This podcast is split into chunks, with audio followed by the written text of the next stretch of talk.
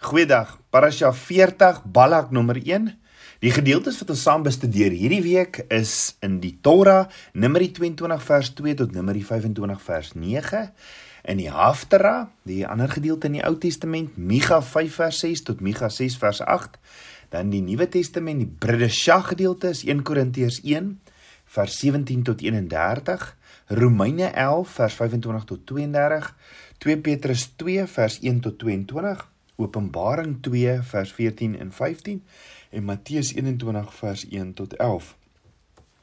Nou Balak was die naam van 'n Moabitiese koning in die dae van Moses. Dit is ook die naam van die 40ste lesing uit die Torah. Dit kom uit die tweede vers van hierdie week se gedeelte of parasha in Numeri 22 vers 2 wat sê: "Toe Balak die seun van Sipor sien alles wat Israel die Amorite aangedoen het." So hierdie week se Torah lesing vertel die verhaal van hoe Balak die okkulte profeet Biljam hier om 'n vloek oor die kinders van Israel te te spreek, nê. Nee. Biljam kry toe weerstand van Abba Vader, voer 'n gesprek met sy donkie en beloon toe die kinders van Israel in plaas daarvan om hulle te vloek. Ons sien in die week se Torah gedeelte in Numeri 22 vers 1 Balak roep Biljam om Israel te vervloek. Die uh, Numeri 22 vers 22 Biljam die donkie en die engel. Dan vers 41 Biljam se eerste boodskap. Numeri 23 vers 13 Biljam se tweede boodskap. Numeri 24 vers 1 Biljam se derde boodskap. Ehm um, vers 15 Biljam se vierde boodskap en dan Numeri 25 vers 1 die aanbring van Baal en Pihor. So die gedeelte in die Haftara wat in hierdie week saam bestudeer word, sien ons behels in Micha 5 vers 2 die die heerser van Bethlehem. Ehm uh, Micha 5 vers 7 eh, die die toekomstige rol van die oorblyfsels. Micha 6 vers 1 Abba Vader daag Israel uit. Micha 6 vers 6 wat Abba Vader vereis. Die gedeelte in Bridesha wat ook saam bestudeer word, sien ons behel in behels in 1 Korintiërs 1 vers 17 wysheid van Abba Vader en die wysheid van die wêreld. Romeine 11 vers 25 moenie eie wys wees nie en dan 2 Petrus 2 vers 1 die valse leraars. Nou Biliam is 'n profeet wat deur Balak die koning van Moab gehuur word om sy land teen die kinders van Israel te beskerm. Balak, hierdie koning van Moab, wil nie hê dat Biliam enige tanks of AK47 gewere moet vervaardig of enige ehm um, strategiese oorlog moet voer nie. Hy wil nie die probleem uitsort in die vleeslike nie. Want hy weet hulle gaan dan les op sê teen die kinders van Israel. Nee, koning Balak van die Moabiete wil geestelik wil geestelike beskerming hê. So koning Balak wil hê Biljam moet die kinders van Israel vervloek en op die een of ander manier so toelaat dat hulle die oorhand kry in 'n oorlog. So Biljam, 'n profeet. En die vraag is, hoor hy Abba Vader se stem? Want wat is 'n profeet en wat is 'n valse valse profeet? En ons gaan daarna kyk in detail hierdie week. Ons gaan kyk hoe Biljam 'n 'n 'n soort van 'n geestelike huursoldaat 'n profeet wat gehuur kan word, maar maar voor ons daarna kyk, is daar nie sekere parallelle of vergelykings dalk tussen Abraham en Biljam nie. Of wat is die verskille tussen Abraham en Biljam? Jy sien, ons het geleer Abraham is 'n vriend van Abba Vader. Iemand met 'n liefdadigheidsoog en het 'n nederige gees. Biljam is iemand met 'n nougesette of hierdie small narrow gees en 'n hoogmoedige ingesteldheid. En dalk vra jy maar maar maar hoekom Biljam met Abraham vergelyk? Van alle mense, hoekom Abraham met Biljam vergelyk? Want Biljam word dikwels geklassifiseer ge, as Biljam Harasha. Biljam die bose. En tog as ons vinnig deur hierdie gedeelte lees, wil dit voorkom as asof Biljam nie so boos was of so evil was nie. Inteendeel, Biliam kom voor as 'n werklike aangename man. Dis maar hoe die valse profeet ook is, nê. Skaap 'n uh, uh, uh, wolf met skaapklere aan.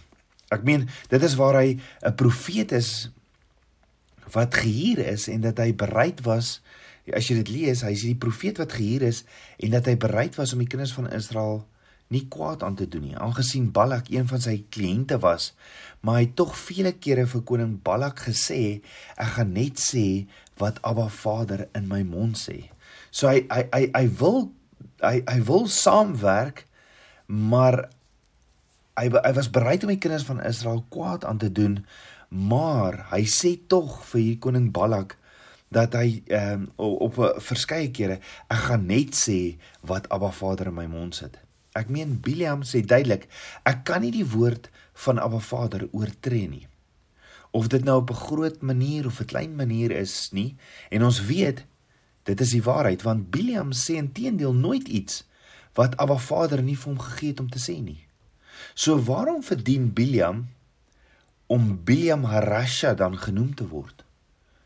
Waar skuil Biliam se groot boosheid en waarom sal ons hom enigsins met Abraham, die vader van geloof, wil vergelyk of hulle met mekaar wil verbind. Want hulle word met mekaar verbind wel in die woord. Die eerste aanduiding dat Biliam en Abraham met mekaar verbind is, begin by die begin van hierdie week se gedeelte toe koning Balak homself aan Biliam voorstel en hom vra om die kinders van Israel te vervloek. Hoor gou-gou.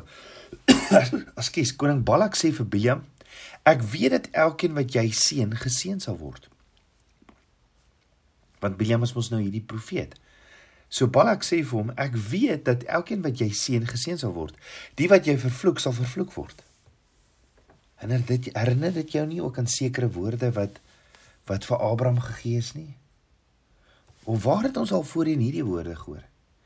Diegene wie jou seën sal geseën word, die wat jou vervloek sal vervloek word. Ja, dit was toe Abba Vader homself die eerste keer aan Abraham geopenbaar het en Abba Vader vir Abraham sê in Genesis 12 vers 3 en ek sal seën diegene wat jou seën en hom vervloek wat jou vervloek en in jou sal al die geslagte van die aarde geseën word. En koning Balak stuur sy boodskappers om vir Biliam te sê in Numeri 22 vers 6 want ek weet die een wat jou seën is geseën en die een wat jou vervloek is vervloek. So die woorde van Biliam klink baie dieselfde as Abba Vader se woorde aan Abraham. Maar dis nie presies dieselfde nie. Nee, inteendeel, dit is in werklikheid die teenoorgestelde of omgekeerde van mekaar. In die geval van Abraham het dit het wat hy doen is in die geval van Abraham, hy doen niks nie. Die mense doen dit aan hom. Diegene wat Abba wat Abraham vervloek sal vervloek word, die wat hom seën sal geseën word. So daar is 'n verbinding tussen Biliam en Abraham, maar definitief die omgekeerde van mekaar. Maar dis nie die enigste verbinding tussen Biliam en Abraham nie. Daar's vele meer verbindings en natuurlik baie dieper. Hoor gou, Biliam het vroegoggend wakker geword om op sy reis te te vertrek en hy het sy donkie voorberei. Laat dit jou aan iets herinner? Ja, toe Abraham een oggend vroeg opgestaan het, sy donkie en die twee mans gaan voorberei het op hulle reis om op hulle reis te gaan om vir Isak met die binding van Isak. Abraham het 'n donkie en twee ander manne saamgeneem en net so het Biliam ook 'n donkie en twee ander manne. Daar's nog baie verbindings of ooreenkomste. Byvoorbeeld dink aan die stem van die engel op die berg want onthou by by Abraham toe hy die toe hy vir Isak wil offer. Abba Vader sê deur die engel: "Neem Isak en offer hom." Dan op die berg Moria sê die engel vir Abraham: "Nee, moenie aan Isak raak nie. Moet hom nie offer nie." Ook by Biliam sê Abba Vader vir Biliam: "Jy kan gaan." Die engel kom en sê: "Jy moet nêrens heen gaan nie." Die ooreenkoms is in beide gevalle stop die engel van Abba Vader hulle in hulle spore nadat Abba Vader vir hulle 'n opdrag gegee het. Dan dink daaroor die reis wat Abraham onderneem het en die reis wat Biliam onderneem het, is dit nie op die op op op 'n diepgaande manier soortgelyke reise nie. Alhoewel Abraham en Biliam die reis anders of verskillend benader, Hulle benaderings is die sentrale uitdaging van Abraham se reis is Abraham hoor woorde wat hy glad nie van Abba Vader wil hoor nie. Maar hy hoor Abba Vader se stem en hy shema. Woorde wat sê neem jou seun, die een wat jy liefhet en gee hom terug aan my. Dis wat Abba Vader vir Abraham sê en Abraham beweeg ge, ge, in geloof. Ek meen Abraham sou enige iets doen net om nie hierdie woorde te hoor nie. Is dit nie want hoe lank het hy nie vir Isak gewag nie? Dink daaroor as Abba jou vra om iets te doen wat jy nie wil doen nie, wat is dan die uitdaging? Wat sal jou uitdaging wees? Baie van ons wil sê dat jou uitdaging is of jy dit wil doen of nie, nê? Nee. En ja, dit is so, maar ek dink daar is selfs 'n dieper uitdaging wat ons in die gesig staar en dit is sal jy aan jouself erken dat dit regtig is wat jou dat dit regtig hy is wat jou gevra wat wat jou wat wat van jou gevra word of jy jouself sal toelaat om dinge te sien soos dit regtig of werklik is of sal jy jouself mislei oor wat Abba Vader van jou gevra het bedoelend of kom ek verduidelik in 'n voorbeeld jy vra dalk van Abba Vader Vader leer my die waarheid oor iets. Leer my die waarheid oor alkohol in die woord. En die vraag is, wat sal jy met die waarheid doen as dit van jou dan verg? As Abba Vader jou dan kom leer om te verander en Abba Vader leer jou dan die waarheid. Op hierdie noot, kom ons kyk wat het met Biliam gebeur toe hy die eerste keer vir Abba Vader toestemming gevra het om saam met koning Balak te gaan om die volk te gaan vervloek. Abba Vader se reaksie was in Numeri 22 vers 12, jy mag nie saam met hulle trek nie. Jy mag die volk nie vloek nie want hulle is geseënd. Jy mag die kinders van Israel nie vloek nie want hulle is geseënd. Het Abba Vader sy instruksies en voornemens duidelik gemaak of dit was dit eers so bietjie vaag? Is duidelik, nê? Nee. Hier is regtig geen ruimte om Abba Vader verkeerd te verstaan nie. En wat gebeur daarna? Biliam word wakker die volgende oggend en dadelik gaan hy na Balak se boodskappers toe en sê vir hulle in Numeri 22 vers 13: "Gaan na julle land, want die Here het geweier om my saam met julle te laat gaan." Die King James sê and Balaam rose up in the morning and said unto the princes of Balak get you into your land for the Lord re refuseth to give me leave to go with you Nou die die woordjie refusive in Hebreëus is ma'en. Dis dieselfde Hebreëse woord wat gebruik word by Josef toe hy weggehardloop het van Potifar se vrou af toe sy hom probeer verlei het. Josef het geweier, volstrek. En dis 'n baie sterk weier of nee. Ma'en beteken ook Abba Vader hou terug. Hy hou hom terug. Met ander woorde, Abba Vader het vir Biliam teruggehou. Dis wat hy sê. En dis 'n baie sterk weier of nee. En wat gebeur toe volgende?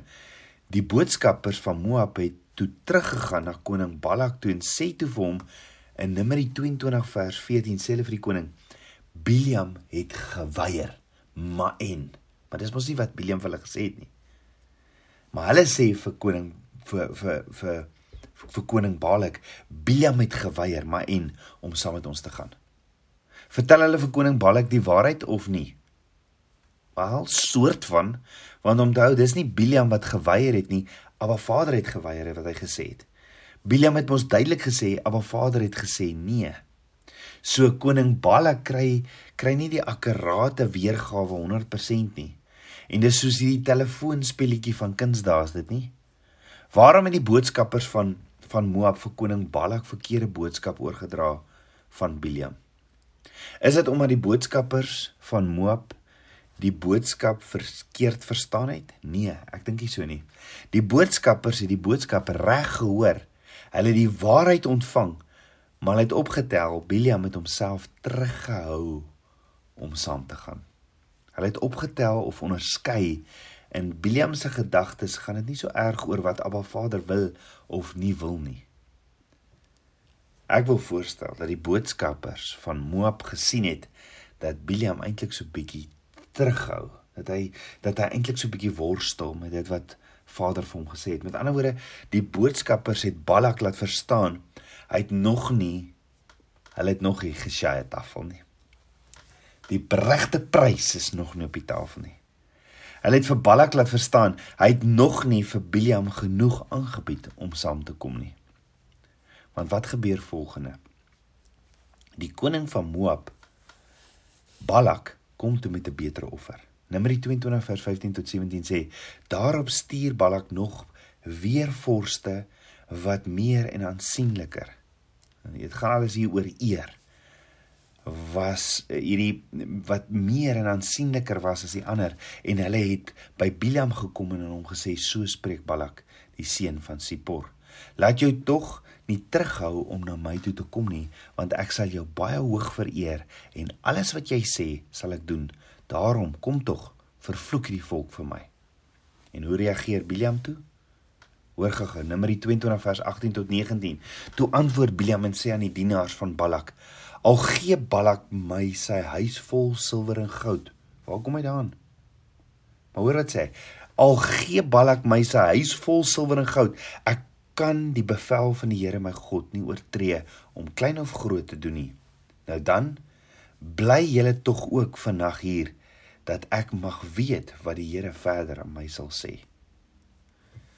So hier's twee goed waarna ons moet kyk. Eerstens, Hoekom is Biliam so duidelik of in Engels explicit oor huis vol goud en silwer? Hoekom noem hy dit eersins? Waarom waar waar kom dit vandaan? Met ander woorde, al sal Balak vir jou huis vol goud en silwer gee. Dit sal dit wees wat hy soek, nê? Nee. Dit sal dit sal nie dit wees wat hy soek nie. So wat is dit wat jy wil hê, Biliam? As dit dan nie 'n huis is vol goud of silwer is nie. En dit bring my by die tweede ding en dit is hoor wat sê Biliam verder. Nou dan bly julle tog ook vannag hier dat ek mag weet wat die Here verder aan my sal sê. Wat bedoel Biliam met dit? Laat ons sien wat Abba Vader weer vir my sal sê. Ek meen Abba Vader is 'n God wat nie verander nie en hy het dit duidelik al gemaak dat Biliam nie moet gaan nie. So wat is daar wat hy nou vir Abba Vader wil vra. Hoekom moet hulle wag en oornag by hom? Numeri 22 vers 20 sê en Abba Vader het in die nag na Biliam gekom en aan hom gesê: As die manne gekom het om jou te roep, staan dan op, gaan met hulle saam, maar net wat ek jou sê, dit moet jy doen. Die King James stel dit so bietjie anders en sê and God came unto Biliam at night and said unto him If the men come to call thee, rise up and go with them, but yet the word which I shall say unto thee, that sh shall the, thou do. Vreemd is dit nie? Want eers het Abba Vader gesê moenie gaan nie en dan sê Abba Vader gaan. So die vraag is, weerspreek Abba Vader homself? Hoor gaga, as Abba Vader gesê het gaan, Hoekom staan daar dan in Numeri 22 vers 21 tot 22 later toe maak Biliam die môre klaar en sal sy esel en op en hy het weggetrek saam met die vorste van Moab. Maar die troon van God het ontvlam omdat hy weggetrek het. En die engel van die Here het gaan staan in die pad as sy teeparty terwyl hy op sy esel ry en sy twee dienaars by hom was en ons weet hy het nie hierdie engel gesien nie, nê? Maar om oor te ponder. As Abba Vader gesê het, gaan saam met hulle. Hoekom het Abba Vader se troon ontvlam? En hoekom stuur hy 'n engel om Biliam te blok in sy pad? Hoekom was Abba Vader dan kwaad? Is Abba Vader 'n God wat verander? Of is hy so ander intensies? Kom ons bid saam. Aba Vader skepper van my hart, Aba ek loof en ek prys U. Vader leer my U waarheid en Vader mag ek soos Abraham in geloof reageer en U Shema net op U stam stem. Vader ek bid dat die begeerlikheid van die vlees die begeerlikheid van die oë nooit nooit in my pad staan om net te doen dit wat U sê nie. Mag die grootheid van die wêreld die die die grootsheid van die wêreld nooit ooit belangriker wees as dit wat U van ons vra nie. Mag ons U ken in alles, Vader. En mag ons mag ons net U waarheid hoor en net staan op U waarheid. En mag ons mag ek wakker wees in die gees. Meer en meer van U. Ek bid dit alles in Yeshua Messie se naam, die seun van Jahweh. Amen. Shalom.